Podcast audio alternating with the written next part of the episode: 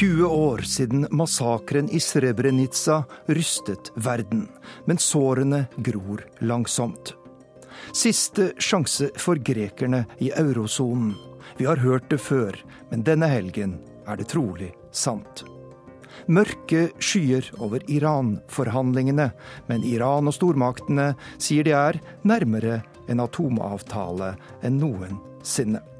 Og i ukens korrespondentbrev skal vi høre at det en gang så stolte britiske imperiet fortsatt vekker sterke følelser hos mange. Du lytter til utenriksredaksjonens ukemagasin Verden på lørdag. Jeg heter Arnt Stefansen.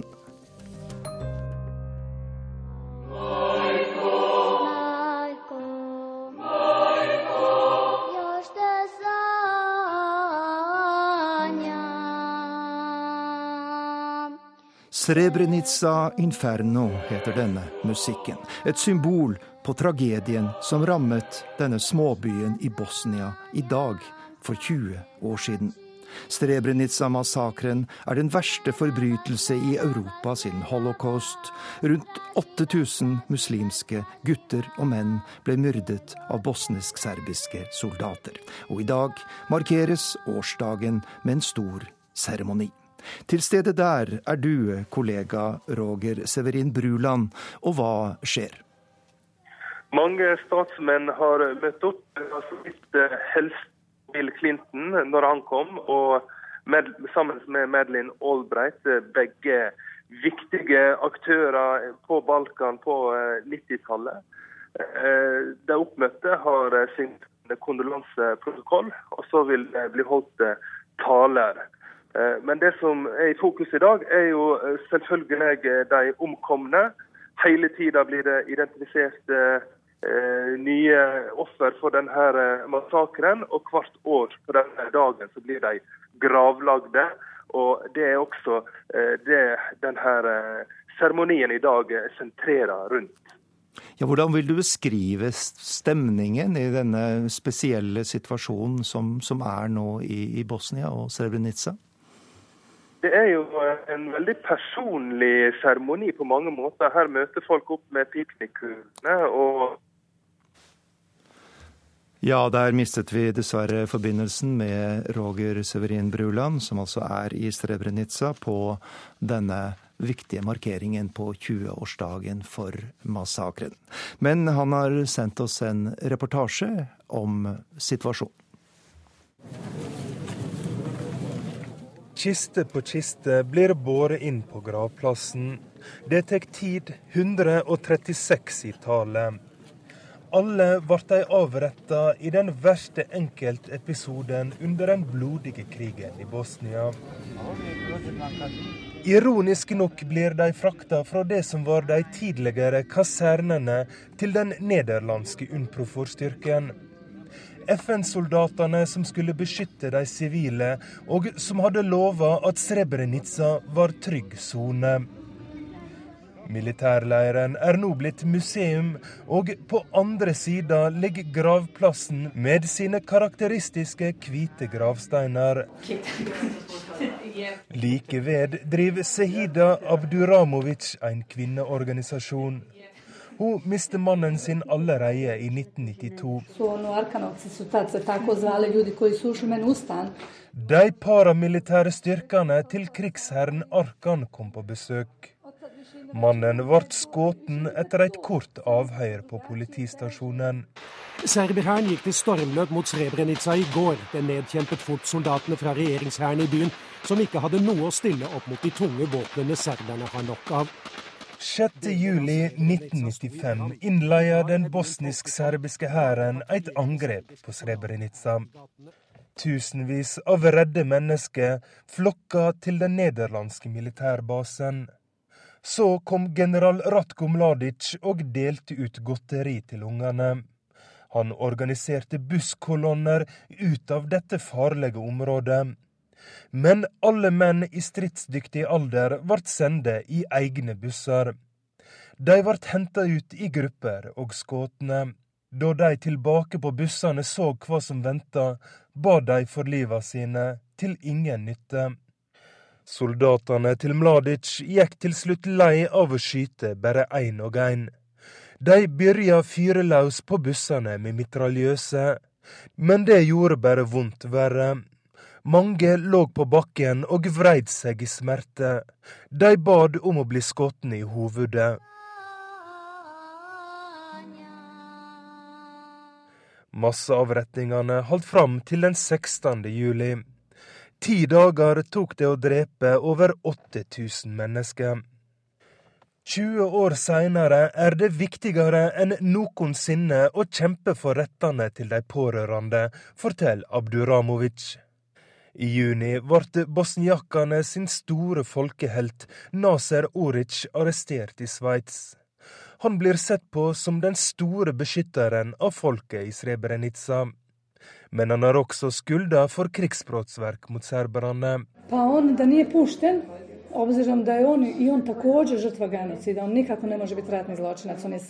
Det hadde blitt ei helt anna markering hadde de ikke sluppet han ut av varetekt i Sarajevo, forteller Abduramovic.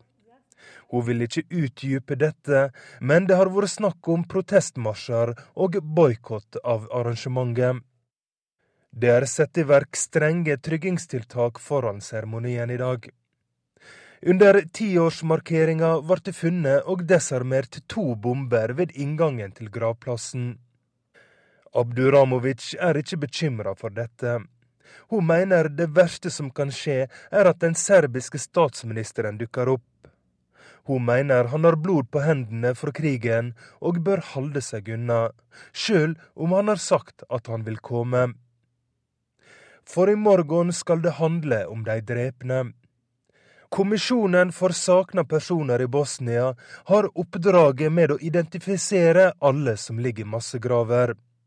Talsmann Kevin Sullivan sier dette er en svært viktig jobb.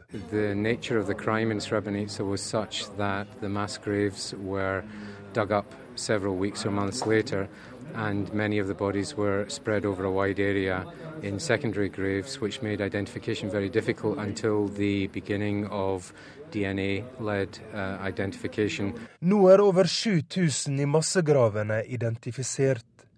Dette arbeidet bidrar til forsoning, forteller Sullivan til NRK.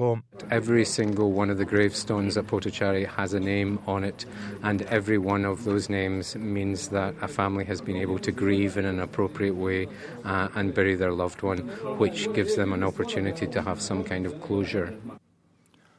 20 år etter massakren er Srebrenica fortsatt en splittet by, preget av store sosiale problemer. Arbeidsledigheten er skyhøy, både her og ellers i Bosnia-Hercegovina, og det er langt frem til forsoning. Blant de mange gjestene under dagens markering i Srebrenica er utenriksminister Børge Brende.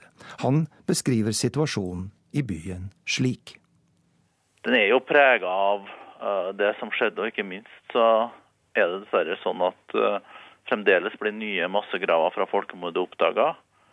Og eh, 11. juli setter jo søkelys på splittelsen mellom de ulike etniske gruppene i Bosnia-Hercegovina.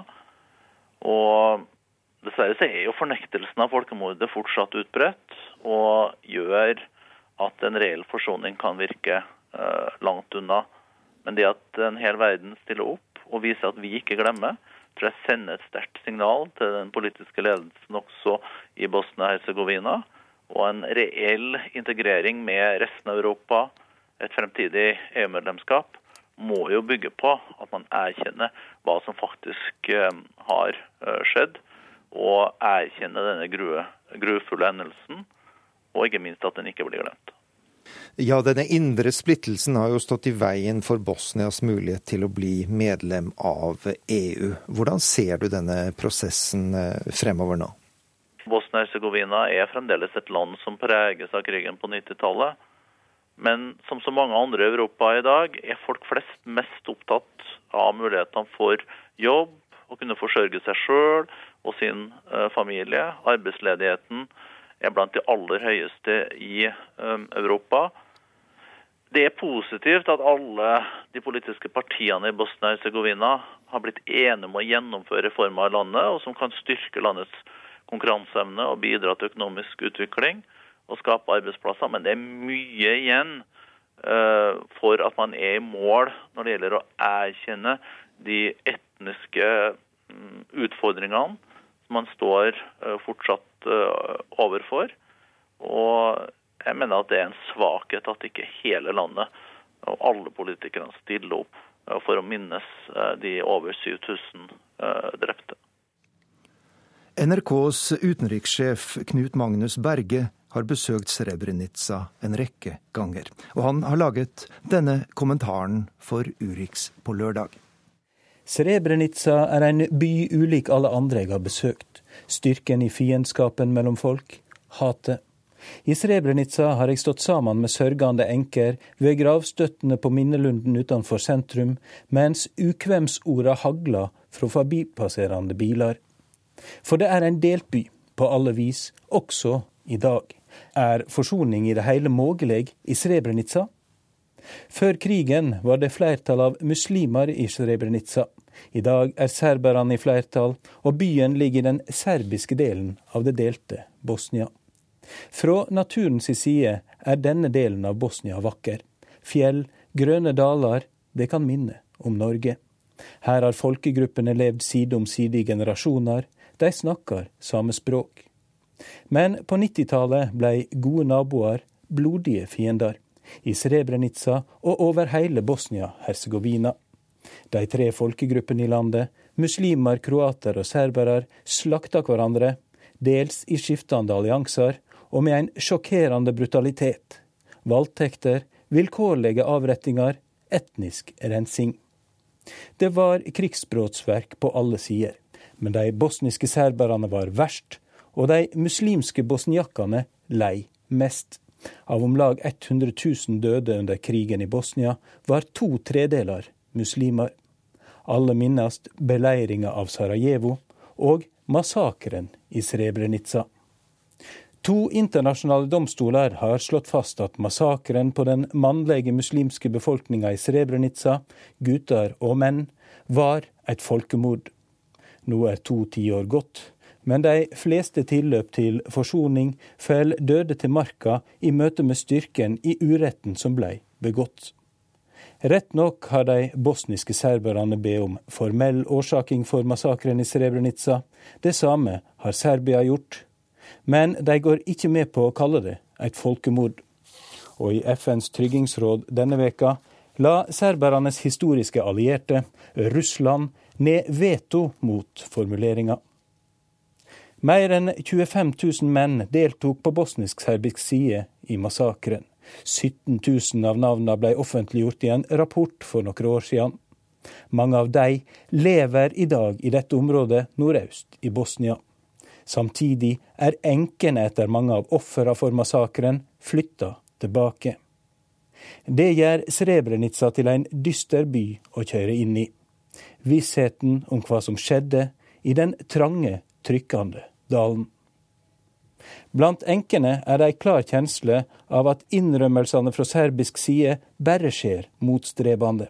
At offisielle representanter for de bosniske serberne stadig kommer med utspill som sår tvil om den offisielle holdninga, og at hovedmennene bak massakren nyter respekt hos mange på grasrota. For noen år siden besøkte jeg sykehuset i Banja Luka, den største byen i Republika Serbska.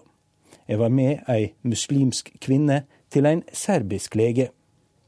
I tillegg til den sedvanlige bestikkelsen som må til for å få behandling, måtte kvinna leve med at portrettet av Ratko Mladic hang på veggen. Den muslimske kvinna betalte altså penger under bordet til legen som åpenlyst hylla den øverstkommanderende general for styrkene i Srebrenica.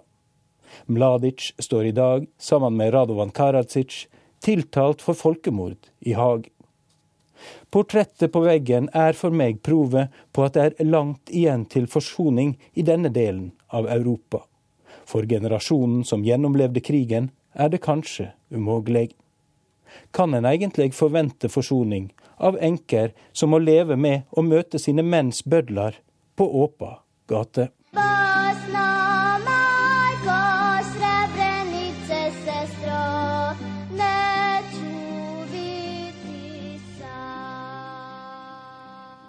Vi fortsetter til Hellas. Den greske nasjonalforsamlingen sa i natt ja til nye økonomiske reformer. Dermed støtter parlamentet det nye forslaget om låneavtale som den greske regjeringen har sendt til kreditorene. Da er det opp til eurolandene og Det internasjonale pengefondet å ta stilling, og det greske folk venter i spenning. Η σφίτρα συμβολίζει Fløyta symboliserer at vi er i alarmberedskap. Det greske folket må forstå hva som står på spill.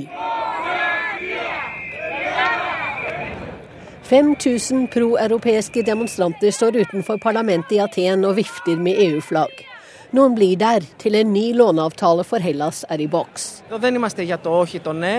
Demonstrasjonen har ingenting med ja- eller nei-stemmer eller partier å gjøre, hevder en av arrangørene, Theofanis Malamos. Her er vi alle enige om én ting vi blir i Europa. Litt lenger bort på Syntagmaplassen, i en minibankkø, står professor Dimitrios Karaklis. Europe,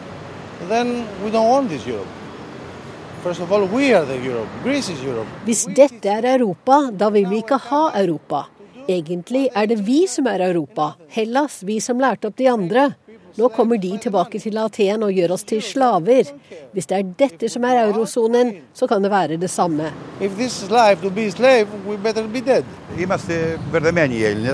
Vi grekere er forvirret, mener pensjonisten Georgios Markolakis. Ingen greker vil jo forlate Europa.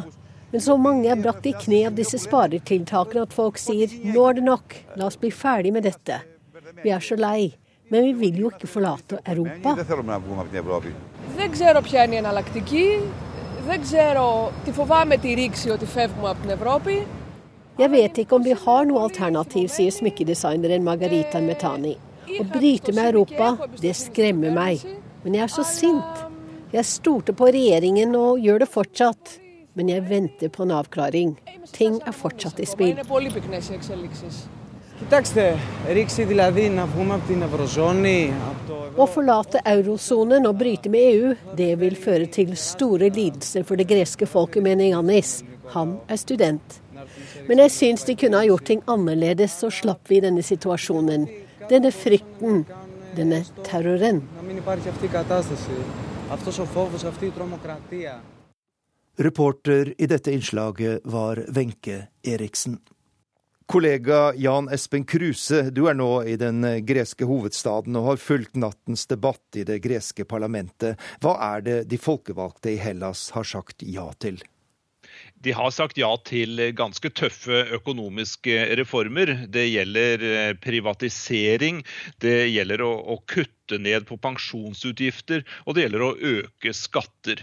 Eh, Eh, statsminister Tsipras han eh, sier at eh, dette var det beste han kunne få til med kreditorene eh, i EU og Det internasjonale pengefondet. At det var ikke mulig å få det noe bedre enn dette her. Men det har jo vært en veldig kraftig debatt i, i, i parlamentet, og presidenten der sa bl.a. at regjeringen har rett og slett blitt presset til å godta noe de egentlig ikke kan stå inne for. Så debatten har vært veldig tøff. Hva skjer videre i denne prosessen nå? Ja, Nå sparkes jo ballen litt over fra Hellas og til EU-systemet, der det skal være en rekke møter i helgen da, for å ta stilling til det grekerne har lagt fram. Hva slags forventninger er det hos greske myndigheter nå til at eurolandene vil si ja til dette forslaget? Ja, Det er vel en eh, viss optimisme. Man eh, tror at dette skal være nok til å få i gang en forhandlingsprosess. Tidligere har man jo ikke hatt noe særlig å snakke om. Nå har man i hvert fall eh, noe å diskutere. sånn at det er, vel, det er vel der det ligger nå. Det er en optimisme. Man tror, man føler i hvert fall fra gresk side at man har gitt såpass mye at det bør være mulig å komme fram til en løsning. Vi går til Brussel og til NRK-korrespondent Åse Marit Befring. Er det grunn til å tro at det greske forslaget til en låneavtale kan bli godtatt av de andre eurolandene? Ja, Sånn som det ligger an nå, så er det all grunn til å tro det. fordi at eh, man vil strekke seg langt for å beholde Hellas i eurosonen. Det er jo i bunn og grunn dette det handler om, med greske banker som er stengt og helt avhengig av eh, kreditt fra Den europeiske sentralbanken, så blir det sett på som en siste mulighet for å hindre kollaps og at Hellas forlater eurosonen. Og så har det jo da også blitt sagt nå fra troikaen, fra EU, Den europeiske sentralbanken og Det internasjonale pengefondet at uh, dette greske reformforslaget det danner grunnlag for en ny låneavtale. Så det ser absolutt ut til å gå den veien, til tross for at man har enkelte medlemsland som mener at man ikke skal kaste flere penger etter Hellas. For folk flest som følger dette spillet, så har det jo vært en forunderlig prosess eh, som startet med en, en, veldig pessimisme for bare en drøy uke siden, via denne dramatiske folkeavstemningen i Hellas, og nå frem til eh, optimisme.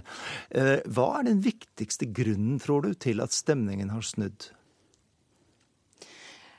Jeg tror nok at uh, det er jo såpass mye som står på spill her, at uh, man er nødt til å prøve å dra i land en uh, avtale. Og man har jo altså et gjeldsoffer, Hellas, som egentlig ikke har hatt så veldig mange gode kort på hånden. Men det koster så mye for de andre eurolandene å slippe dem ut og ikke beholde dem i eurosonen, at de likevel er villige til å strekke seg veldig langt.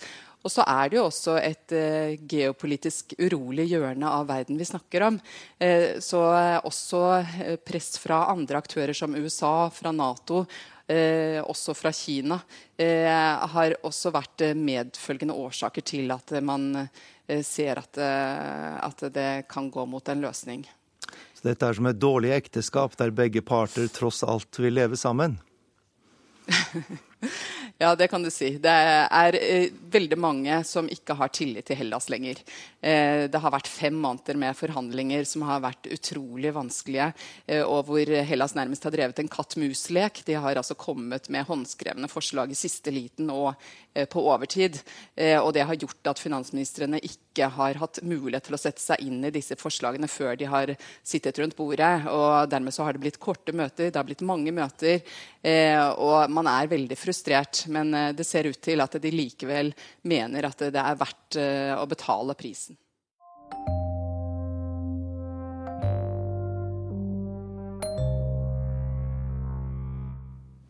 Det er krise i forhandlingene om en atomavtale mellom stormaktene og Iran.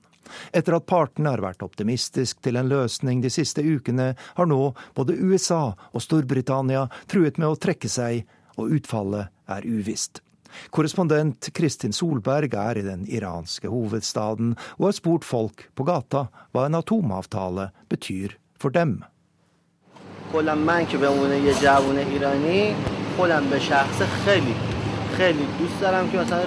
Jeg som en ung iraner, jeg vil virkelig dette.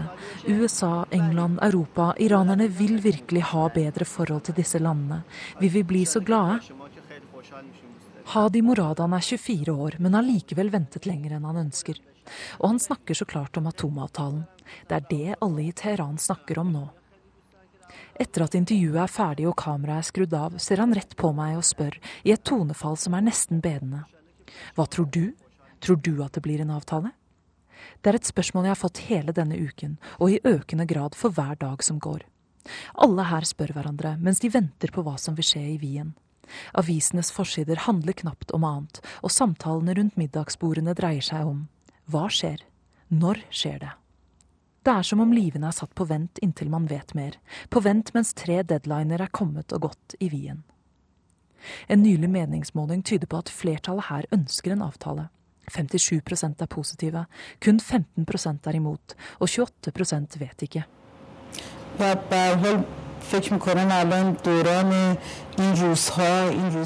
Dette er spesielle dager for iranerne. Det er dager med håp, men også frykt. Folk håper at med den høye prisen de har betalt med sanksjonene, at de i minste skal få en god avtale. Det sier den kjente filmskaperen Rakshan Banietemad få timer før nok en frist går ut i Wien.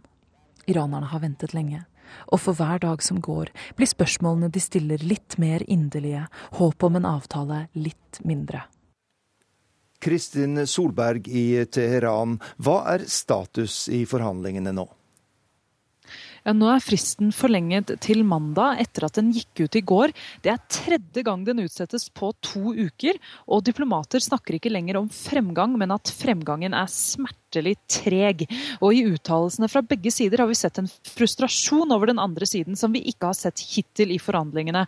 Både USA og EU har jo truet med å trekke seg, at man ikke kan fortsette disse forhandlingene til evig tid. Og fra den iranske utenriksministeren har det kommet ganske krasse uttalelser mot stormaktene. Og vi ser at sidene er splittet over en del vanskelige punkter ennå. Det gjelder bl.a. FNs våpenembargo, som Vesten vil at skal fortsette, men som Iran krever lettet. Og det handler også om tilgang for inspektører til militæranlegg i Iran for å forsikre seg om at Iran overholder avtalen. Det er viktig for stormaktene, men for Iran handler det om landets suverenitet. Så det er nokså vanskelige spørsmål som gjenstår ennå. Ja, eh, Hva er forventningene i Iran nå til at det blir en avtale? Jo, De har vært nokså høye. For ti dager siden så snakket eh, mange om at dette var ikke snakk om hvis det blir men når det blir en avtale. Mange var nokså sikre på at det kom til å bli en enighet. Det så man også i mediene her. Man snakket der om en historisk mulighet gjennom denne avtalen. Men nå er tonen blitt en litt annen. Etter hvert som deadline etter deadline er blitt brutt og dagene er blitt til uker i Wien, så har flere blitt usikre på om det faktisk blir en avtale. Eh, håpet om det, eh, for det er et nokså stort håp blant mange her, eh, det er blitt svekket. og mange av dem som tidligere snakket om når det blir en avtale, snakker nå om hvis det blir en avtale. Og man ser for seg muligheten for at det, eller risikoen for at det ikke kan skje.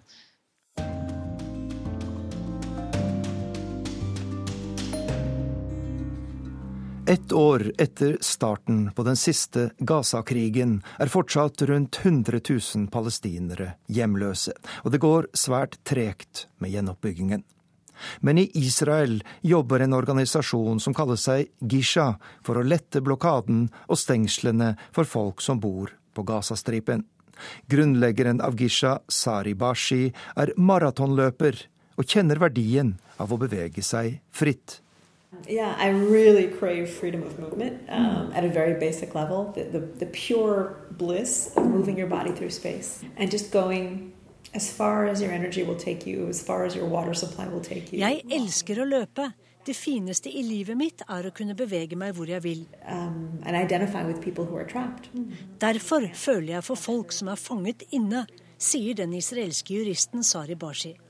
Hun er 39 år, veier 48 kilo og er den eneste kvinnen i Israel som løper ultramaraton.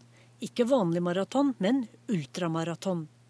Og hun ser en klar parallell mellom et maratonløp og det å kjempe for mer bevegelsesfrihet for palestinerne i Gaza. Um, for meg er det mange paralleller mellom den the kind of um, physical and mental strength you need to run, let's say, a 216 kilometer race, which is my longest race. 216? Um, yeah. Oh my God. Yeah, 33 That's... hours it took me. 33 hours. Yeah. Oh det lengste jeg har løpt, er 216 km. Det tok 33 timer, sier hun. Gleden over å bevege seg raskt er en viktig drivkraft når Sari Bashi jobber for at folk i Gaza også skal kunne få bevege seg mer. For ti år siden stiftet hun organisasjonen Gisha, juridisk senter for bevegelsesfrihet. I dag har Gisha 22 ansatte, som er advokater, akademikere og menneskerettighetseksperter. Ved å bruke både israelsk og internasjonal lov er Gisha en vaktbikkje som passer på at palestinerne får de rettighetene de har krav på, også under blokaden. Israelere har begynt å innse at blokaden ikke bare handler om sikkerhet. Som når studenter ikke får reise ut av Gaza for å studere, eller når idrettsutøvere ikke får delta på internasjonale mesterskap. Også sikkerhetsmiljøet i Israel mener at det å presse Gaza for hardt bare fører til at Hamas får mer støtte, sier Bashi. I begynnelsen av juli skulle gjenoppbyggingen etter fjorårets krig begynne, ifølge UNRWA-sjef Robert Turner i Gaza. Last week, the Minister of Public Works and Housing announced that the technical issues related to Mekanismene for gjenoppbyggingen av de mange ødelagte husene i Gaza er avklart, sier FN-sjefen i Gaza, der over 12 000 hus er ødelagt og 100 000 mennesker fremdeles er hjemløse. Og det er nettopp innførsel og eksport av varer og bygningsmateriale og utreise for mennesker Gisha overvåker. Gisha stiller spørsmål og følger opp saker og tar dem til retten. Hvorfor er bare 53 av de 1000 mobile hjemmene Oman har sendt, kommet inn? Hva med resten? Og nå har Gisha nettopp bedt om at familier i Gaza får besøke sine slektninger på Vestbredden under ramadan, og viser til loven om religionsfrihet. Organisasjonen er premissleverandør for internasjonal og israelsk presse, og refereres ofte til. People in Israel are either turning a blind eye, they don't want to see the occupation, they don't want to know what's happening, or they're justifying it. Um, and they're not asking um, tough questions about whether this is an appropriate way to treat another people. Israelere flest vet veldig lite om hva som skjer inne i Gaza. Enten er de ikke interessert, eller de støtter blokaden. For å skape forståelse må vi finne saker som israelere kan identifisere seg med, som å be om at en dataingeniør får reise ut for å delta på et Microsoft-treff. You know, look how great the world would be um, if this uh, computer programmer could get to her Microsoft competition in the West Bank, and maybe then she could, you know, represent Palestine in in an international competition and come back to Gaza and create a software company. Um, Mens jeg snakker med menneskerettighetsjuristen, lurer jeg på hvordan det er mulig å løpe nesten 22 mil, en strekning litt lenger enn Oslo-Kragerø, men litt kortere enn Oslo-Beitostølen.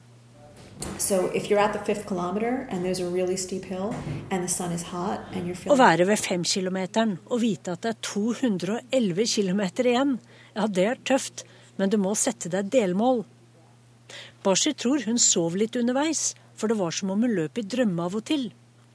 For den israelske maratonkvinnen var det viktig å få utreisetillatelser for 46 løpere som ville delta i Betlehem Maraton i vår.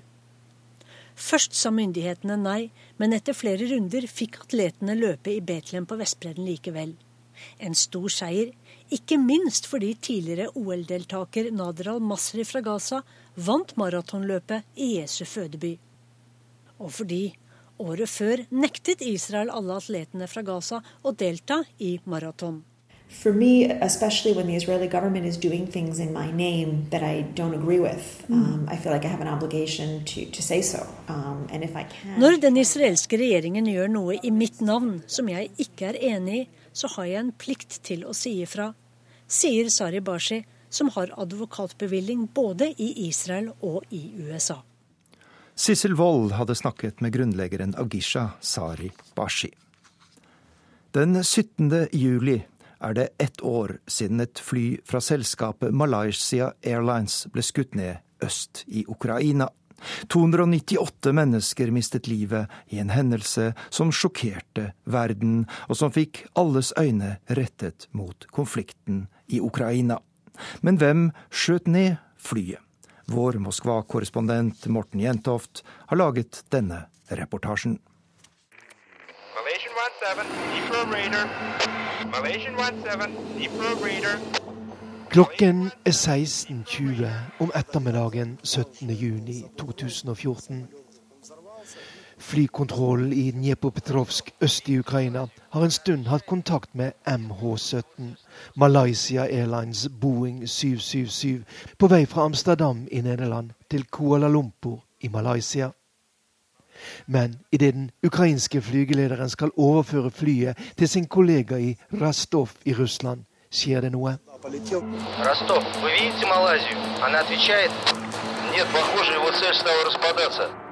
M17 ble borte fra radarbildet. Verden har fått en ny flykatastrofe nesten uten sidestykke i moderne tid. Только что сбили самолет Ukrainske myndigheter var raskt ute med å offentliggjøre dette opptaket, som angivelig skal være prorussiske separatister som sier de har skutt ned et fly.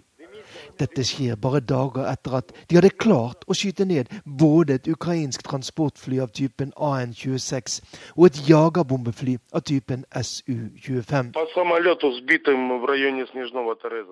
Opptakene med separatistene viser at de raskt forsto at de denne gangen ikke hadde skutt ned et ukrainsk militærfly, men derimot et sivilt fly, og at døde kropper lå strødd over et område i nærheten av landsbyen Graboje. Samtidig hadde forsvarsministeren i Folkerepublikken Danetsk, Igor Strelkov Girkin, vært raskt ute på sin internettkonto ved kontakt og proklamert at de igjen hadde klart å skyte ned et ukrainsk militærfly. Denne meldingen ble raskt fjernet, men for seint til at ikke andre hadde klart å plukke den opp, og dermed vise for all verden at de prorussiske separatistene sto bak nedskytingen. Men var dette tilstrekkelig bevis til å legge all skyld på de prorussiske separatistene og deres støttespillere i Russland?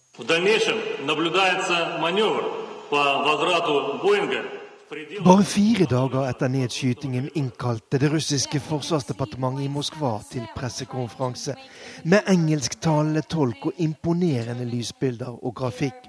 Og der generalløytnant Andrej Kartapolov la fram en rekke opplysninger som sådde tvil om det som ukrainske myndigheter hadde fortalt. På данным, в день крушения малазийского Боинга группировка противовоздушной обороны Gjennom vår etterretning har vi klart å fiksere tre ukrainske batterier av typen Buk M1 antiluftskyts i området der Boeing er blitt skutt ned, fortalte Kartapolo, og viste fram satellittbilder. And we had various photographs and videos that showed what appeared to be a missile launcher. And we wanted to verify where they were taking and other information. Men Russland har møtt slagkraftige motstandere i kampen om sannheten om hva som skjedde med MH17. Og den kanskje mektigste og mest slagkraftige heter Elliot Higgins og Billingcat. En gruppe av frivillige undersøkende journalister og gravere som har spesialisert seg på å bruke informasjon fra internett til å grave i konflikter rundt om i verden. Belikat har nemlig plukket fra hverandre det russiske forsvarsdepartementets opplysninger, og i stedet lagt fram egne opplysninger som tyder på at det var et russisk utskytingsbatteri av type Bukh i området, der det malaysiske flyet ble skutt ned En rekke bilder og videoer er satt sammen som viser at denne Bukh opprinnelig stammer fra en russisk avdeling basert i Kursk, men sendt inn i Ukraina for å hindre at det ukrainske flyvåpenet kunne brukes mot de prorussiske separatistene. Bukh-batteriet ble så, minus én rakett, i all hast fraktet ut av Ukraina etter nedskytingen. Самолеты летали регулярно, так само, как и прежде. Вернулся один самолет, men russiske myndigheter har likevel ikke ville legge seg flat i denne saken. Og nå i begynnelsen av juni offentliggjorde den russiske statsadvokaten et intervju med Jevgenij Agapov, tidligere flymekaniker i det ukrainske forsvaret, som kan fortelle at nettopp den 17. juli 2014 var han på jobb på en flybase utenfor Dnepropetrovsk, da et fly av typen Su-25 kom tilbake etter endt oppdrag, og der flygeren kunne fortelle at han ved en feil hadde skutt ned et passasjerfly. Nå I begynnelsen av juli ble det klart at Malaysia vil gå inn for å få opprettet et internasjonalt tribunal for å finne ut hva som skjedde med MH17. Etterforskningen etter tragedien, som ledes av Nederland, er i ferd med å avsluttes. Og en rapport skal legges fram en gang til høsten. Likevel er det mye som tyder på at Russland ikke vil kunne godta en rapport eller konklusjon som legger all skyld på de prorussiske separatistene og Russland selv. Malaysia Airlines MH17 kommer nok til å bli liggende der som en verkebyll i lang, lang tid framover. Malaysian 17, Deep Reader. Malaysian 17, Deep Reader.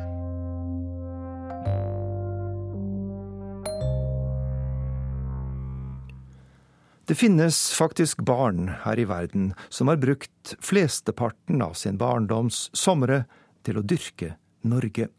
I USA går hundrevis av barn på norsk språkleir eh, sommer etter sommer. Kollega Tove Bjørgaas er målløs langt inne i skogen nord i Minnesota.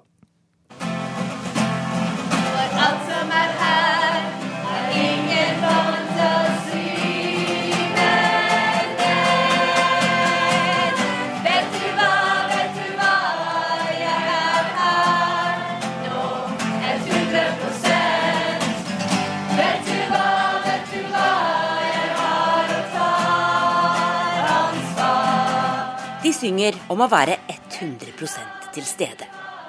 Og de drøyt 80 barna som står utenfor matsalen ved en idyllisk innsjø i Minnesota, er det. Mobiltelefonene deres er slått av i flere uker. For nå handler livet om noe som trenger full oppmerksomhet. Å lære norsk. Jeg vil lære norsk fordi min bestefar kommer fra Norge. Og jeg vil gjerne uh, reise til Norge, men jeg vet ikke når jeg skal. Men kanskje snart. Nikoline har tilbrakt ikke mindre enn ti somre her. Hun kommer fra Iowa og heter egentlig Evelyn. Men om sommeren heter hun Nikoline. For på Skogfjorden har alle deltakere et norsk navn. Her kommer man og man får pass, et pass i posten, man krysser en grense. Man til og med tar en norsk identitet. Man flytter til et sted som har et norsk navn. Og hele poenget er at du skal føle at du er et sted hvor det faller naturlig å bruke språket. Rektor Tove Irene Dahl forklarer hva som er filosofien bak språkskolen Skogfjorden. Tanken er ikke det at de skal lære sånn som man tenker på skole, men heller det at man skal oppleve. Og så bader ungene i språket ved å høre på norske radiosendinger, ved å spise norsk mat, ved å gjøre aktiviteter som enten lærer dem om Norge, eller som norske ungdommer ville delta i. Okay, så. Skal dere være tømrer eller fisker? I 52 år har horder av barn kommet til denne sommerleiren for å lære vårt språk og i 40 av dem har Dahl vært en drivkraft. Hun er selv både norsk og amerikansk, og i det vanlige skoleåret er hun professor i psykologi ved Universitetet i Tromsø. Men Hvordan forsøker dere å, å lære barna om Norge i dag? Altså, det er mange ting vi gjør, men det første er at vi må bekrefte for ungene som kommer hit med den norske bakgrunnen, at den har verdi. Så at man kanskje har rosemaling hjemme og at man spiser krumkake, det er jo kjempeflott. Det, det, knytter dem til noe som betyr mye for familien. Men samtidig, samtidig, er vi opptatt av å fornye deres forhold til Norge. Så da sier vi litt mer om hvordan de tingene som er i deres familie eller deres bakgrunn, hvordan, hva slags plass det har i Norge i dag. Og så prøver vi å utvide deres perspektiv på Norge. Ja, det har jeg. Skogfjorden er en del av Concordia Colleges språklandsbyer for barn. Andre steder i denne skogen kan en lære både tysk, fransk og italiensk. Så hvorfor går flere hundre barn for norsk? Når jeg var syv år gammel, så sa jeg til mor at jeg vil lære uh, norsk. 17 år gamle Sarah Ottermark forklarer hvorfor på klingende jærdialekt. Hun er nettopp kommet hjem fra et år som utvekslingselev på Nærbø. Jeg liker det veldig mye. Og det er, jeg, jeg finner meg sjøl her. Jeg kan være meg sjøl, og jeg kan si, hva jeg vil. Og uh, alle hører på meg, og, og jeg føler meg trygg. Hva skal vi spise? Det er middag, og reglene er klare. Den som snakker bare norsk hele måltidet, får poeng. Og før noen får spise, skal dagens meny resiteres i plenum. Og kjøkkenet er stolt til å presentere din middag. Fisk. Fisk. Melk. Melk. Flatbrød.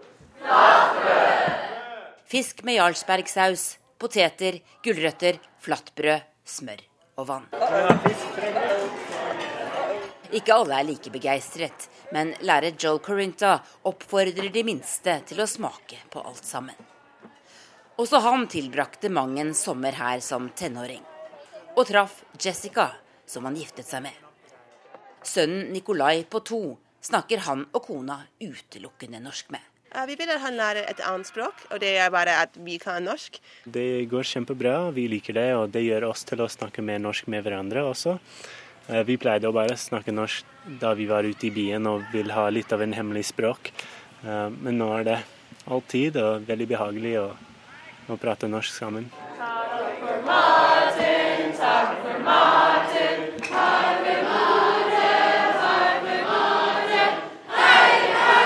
Måltidet er over, og ungene takker for maten med klokkeklare røster før det er middagslur, fritid og tid til å handle norsk sjokolade i kiosken med norske penger. Tove Irene Dahl forteller meg hva hun ønsker seg for å gjøre dette sommerparadiset enda bedre. Vi ønsker um, flere ledere fra Norge, for vi syns det er viktig at vi har både de som holder på å lære seg norsk, også som ledere, men også de som er nordmenn.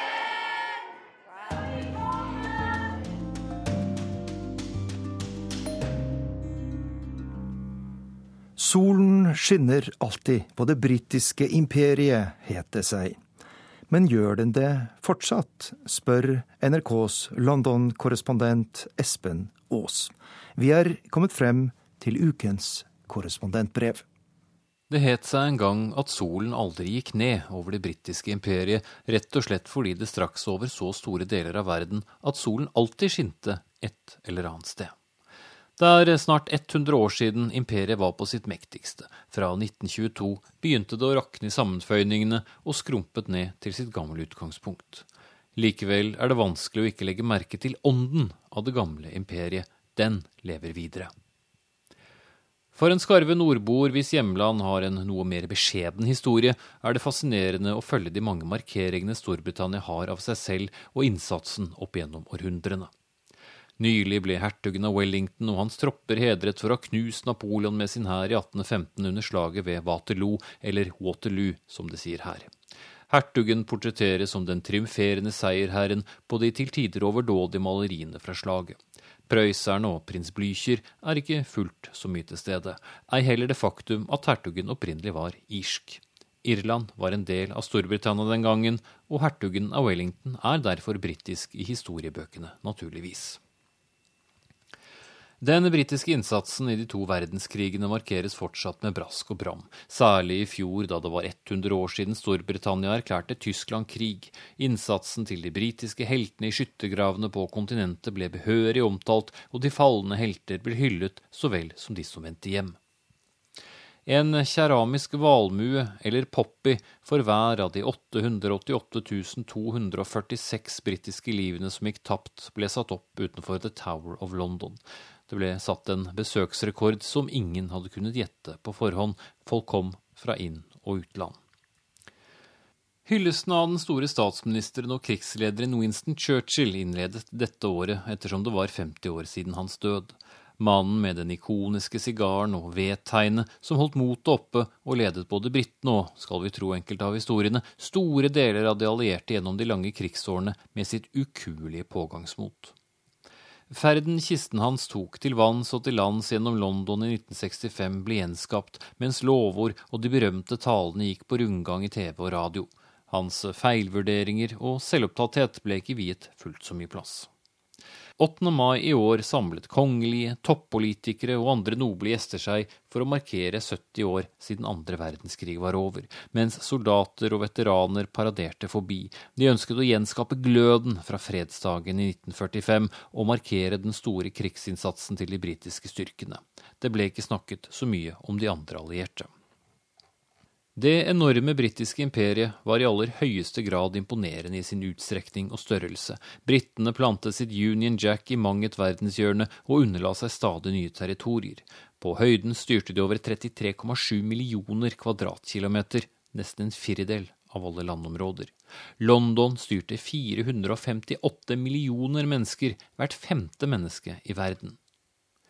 Men verdenskrigene slet på imperiet, og etter den siste krigen var det slutt. Den ene kolonien etter den andre hadde fått sitt selvstyre, ikke uten snøft fra gamle imperialister. Da dronning Elisabeth 2.